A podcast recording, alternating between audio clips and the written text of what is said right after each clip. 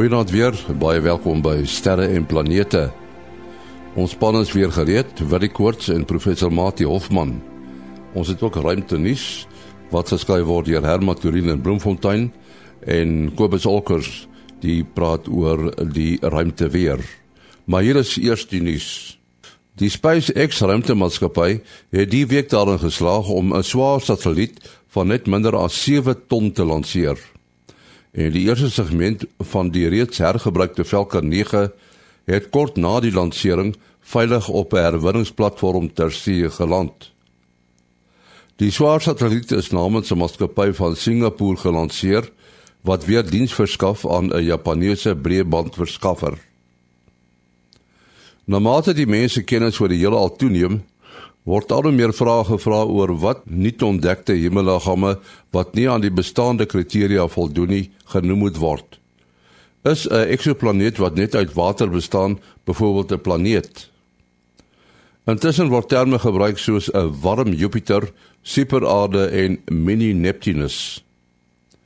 Aanvanklik het die Grieke na die vaste sterre verwys en die wandelaars wat 'n spesifieke roete gevolg het as planete.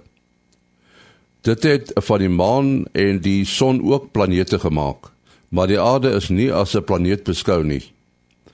En moet die aarde se maan se naam nie met 'n hoofletter geskryf word nie, om dit te kan onderskei van die maane van ander planete wie se maane almal hulle eie name het nie. Dit is van 'n interessante vraag wat gevra word deur 'n dosent in sterrekunde, Christopher Palma.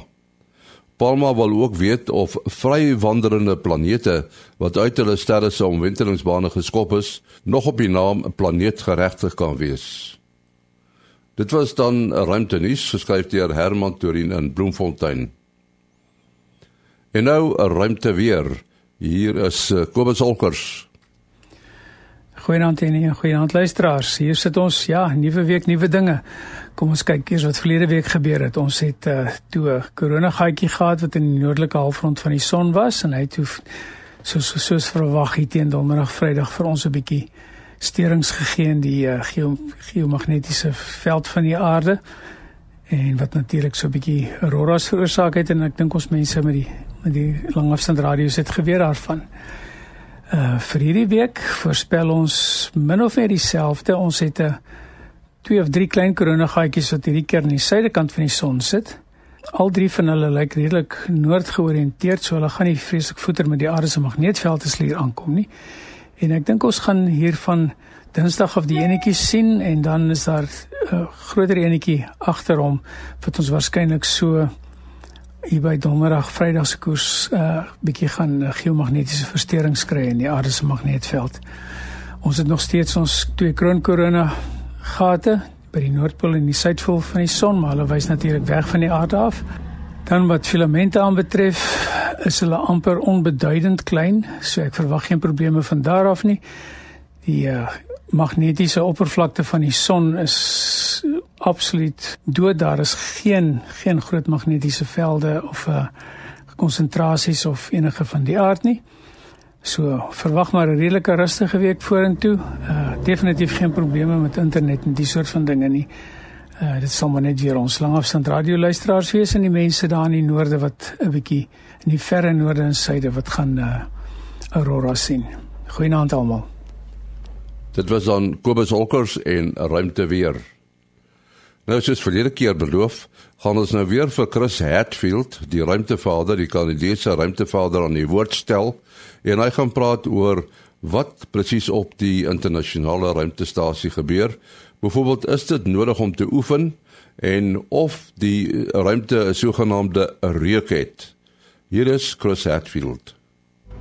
Sometimes you hear that you have to work out constantly or you will pass out and possibly die in space. Not true. Living on a spaceship is the most lazy existence you can imagine. You're weightless. You do not have to lift a finger. You don't have to hold your head up. Your heart doesn't have to lift your blood against gravity. You can be the laziest person in the universe in space. But eventually you need to come back to Earth. And if you don't exercise for your whole six months in space, you'll sort of turn into a jellyfish. So we do exercise two hours a day on a spaceship. We have a resistive machine, we have a unicycle, and we have a treadmill where elastics hold us down just to keep our bodies strong enough and our bones dense enough so when we get home, we don't just fall over like a puddle. But you don't need to work out all the time.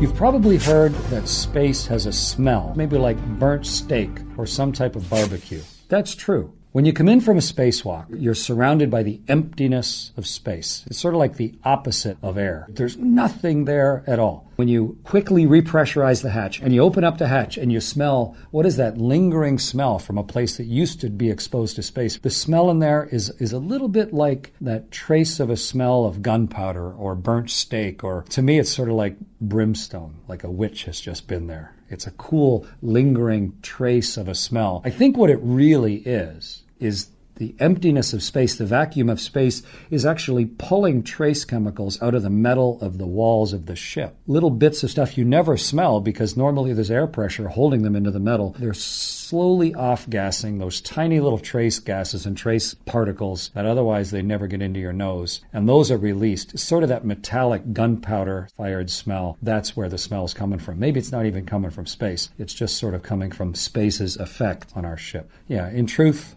It smells a little bit like a burnt steak. Dit was uh, Chris Hatfield wat verduidelik het oor hoekom dit nodig is om op die internasionale ruimtestasie te oefen en of die ruimte 'n reuk het. Ons span is uh, weer by die mikrofoon. Dit is uh, Willie Koorts van die SAAO en professor Mati Hofman van die Digitale Planetarium, die Universiteit van die Vrystaat en die Boyden Sterrewag. So van die Boyden Sterrewag gepraat, uh, Mati, jy het nog al deurgeloop amper uh onder die vlamme. Ons het deurgeloop uh maar op 'n manier dat dit toe daarom nou nie uh groot skade veroorsaak het nie behalwe aan die plante groei. Uh die veldbrand het uh, binne 'n halfuur van dit ontstaan het.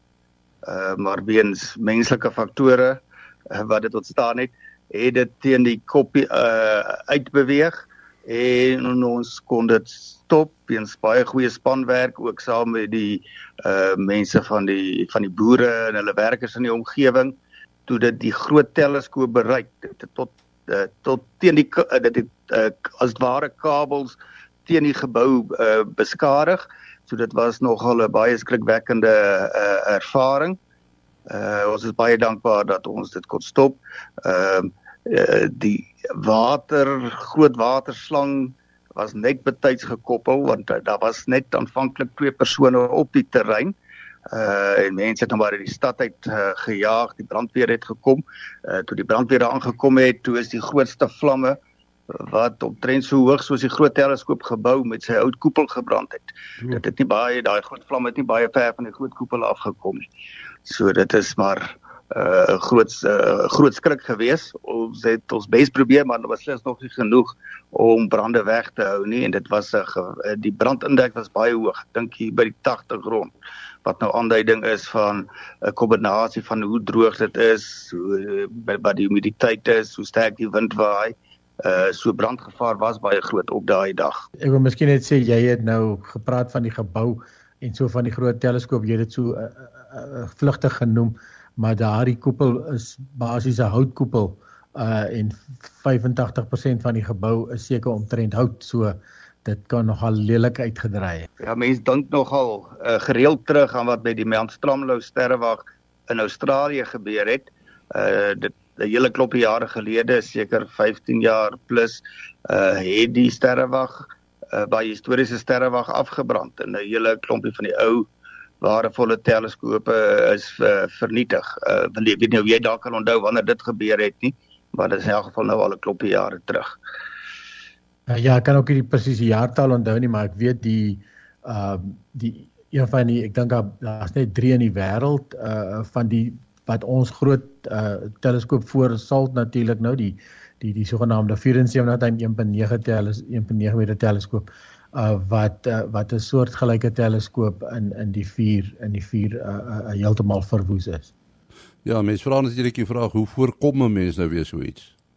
Ja, eh, en die, die uh, belangrikste punt is wat nie altyd so uh, maklik is nie, weet 'n groot koste is om 'n brandvrye uh of 'n brandstrook te hê wat breed genoeg is waar daar uh, verkieslik geen plante groei is nie uh of waar dit kort gehou word en dan uh, daarmee saam moet jy genoeg water op die terrein hê. Uh jy moet betyds uh waarskuwing kry. En as jy waarskuwing kry, moet jy die nodige nodige planne in werking hê. Uh, Daar's 'n hele lys van goed wat 'n mens moet doen, die regte soort brandblussers vir uh verskillende omgewings. Jy kan nie net sommer enige plek water spuit nie. Uh jou mense moet reg opgelei word uh om dit te kan doen. Uh, en uh uh dit is altyd uh help altyd baie as jy uh, brandweer parate brandweer naby het maar mense kan nie net daarop val as jy nou 'n bietjie uh ver vanaf 'n uh, plek met uh, van 'n brandweerstasie af is dan kan jy nie net daarop uh, staat maak nie. Maar ek moet sê wat wat ek nou opgemerk het die dag is hoe paraat die boeregemeenskap in daai omgewing was wat was nie net die sterrewag wat bedreig was nie die weiding in die omgewing by die vee die beeste daar uh so terwyl 'n paar van die boere ons kom help het, het ander begin met voorbrande. Uh party het uh met hulle bakkies uh met uh, watertanks op en met die werkers met die uh, uh brand uh, brandslaan toerusting het uh het die vlamme nou benader, maar jy moet nou altyd, jy kan nie voor die groot vlamme kom as die wind die vlamme in jou rigting dryf nie. Jy hoor van tyd tot tyd van mense wat baie erg brande uh, uh opdoen. So mens kan nie sommer net die brandstorm loop nie. Jy moet uh mense weet hê wat weet hoe jy dit moet uh aanvat. Goed, ons het uh, luisteraars briewe gekry. Ons sê baie dankie daarvoor.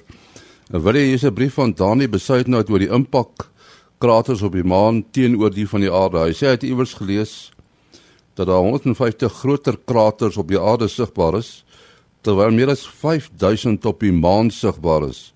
Nou sê hy dat uh jy weet dat die groter oppervlakte en aantrekkingskrag van die aarde behoort eintlik baie meer impakkraters te hê as die maan. Kan jy miskien verduidelik? Ja, so die groot die groot antwoord is maar die kort antwoord is maar eintlik die aarde 'n atmosfeer en die atmosfeer het nou twee effekte. Die eerste is natuurlik met die goed wat inval word redelik van dit uitgebrand wat beteken daar's minder um, meteoriete dit wil sê dan wat die aardoppervlak bereik uh, teenoor die wat die maanoppervlak bereik.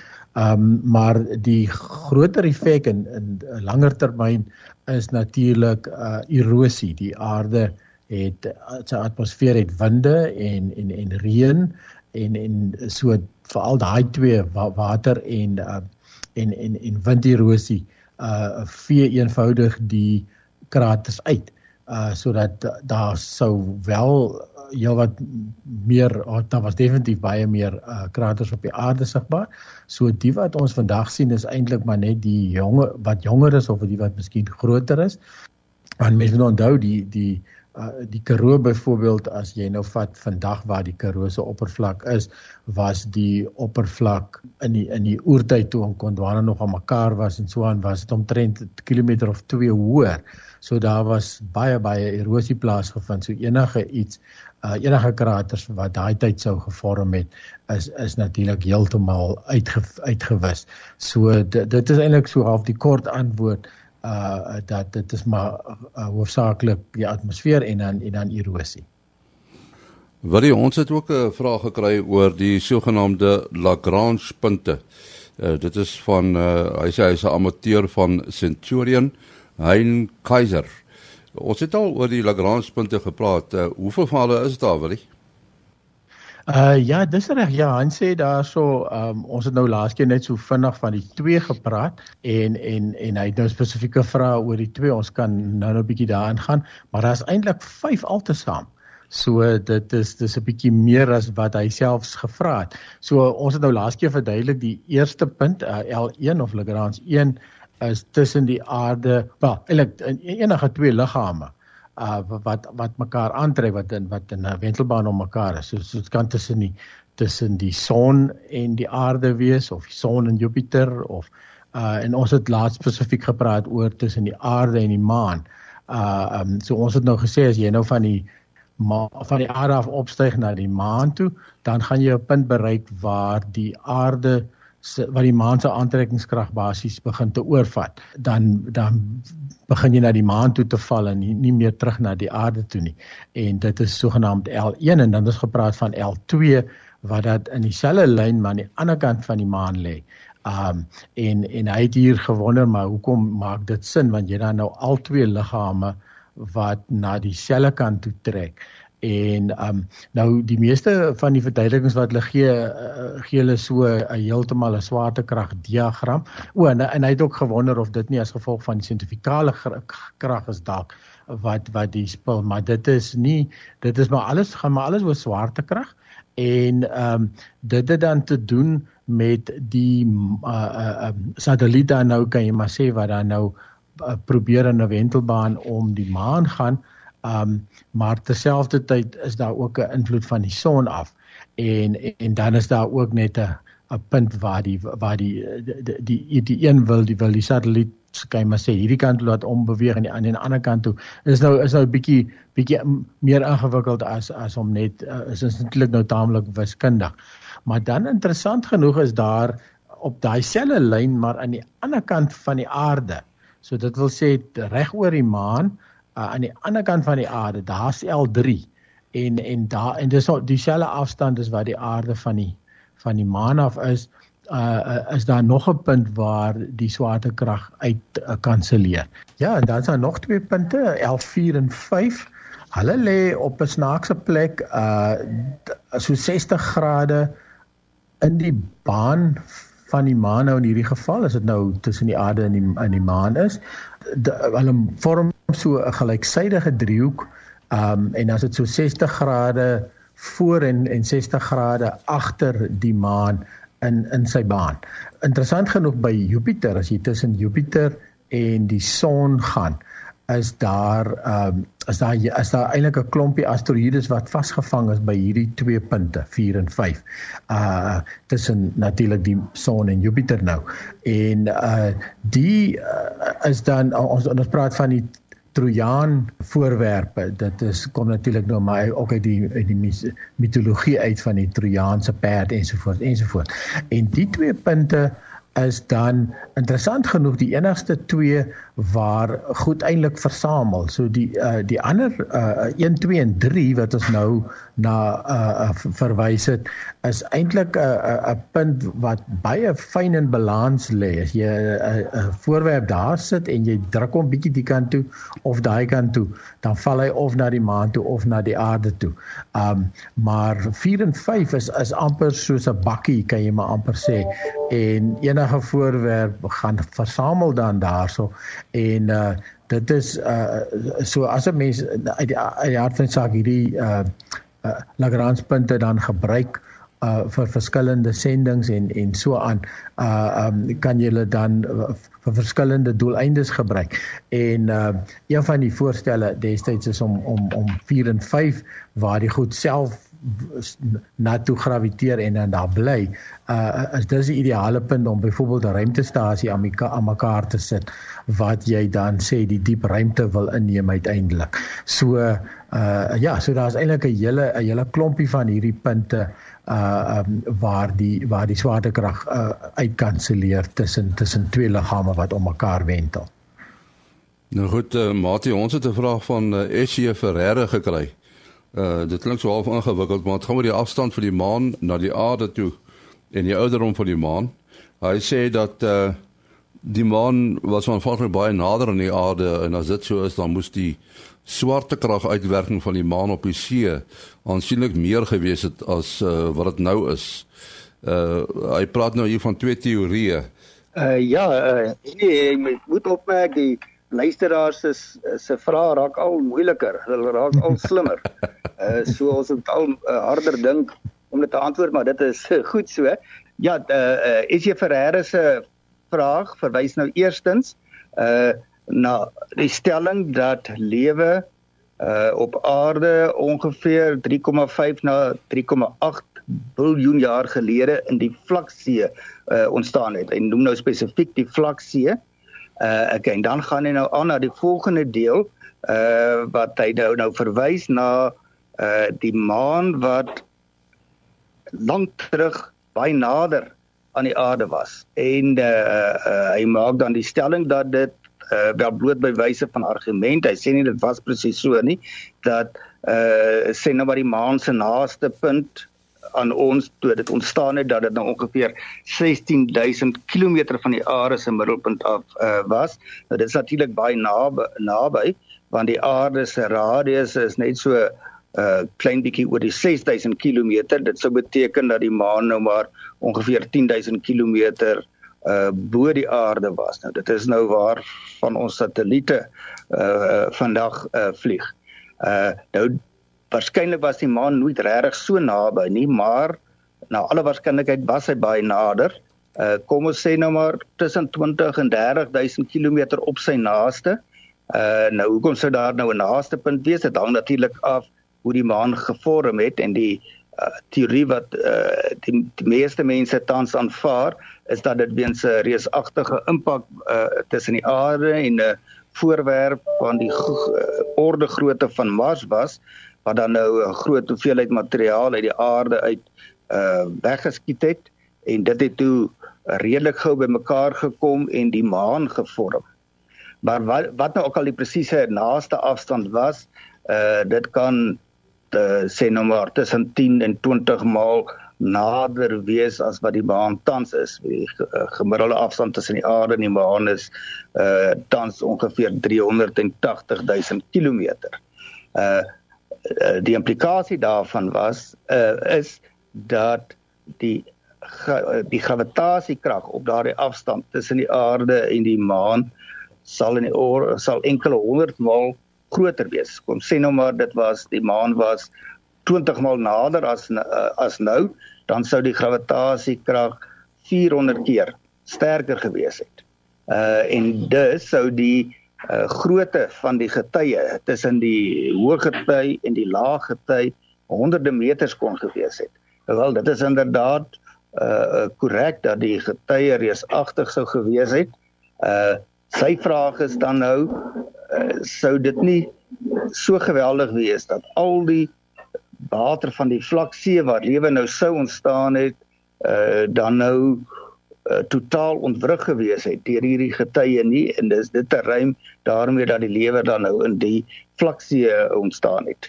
Nou ek is nou nie enigsins 'n kenner van die geskiedenis van van lewe en uh ek is uh, goed op hoogte daarmee dat hulle reken die eerste lewe was in die uh in die see.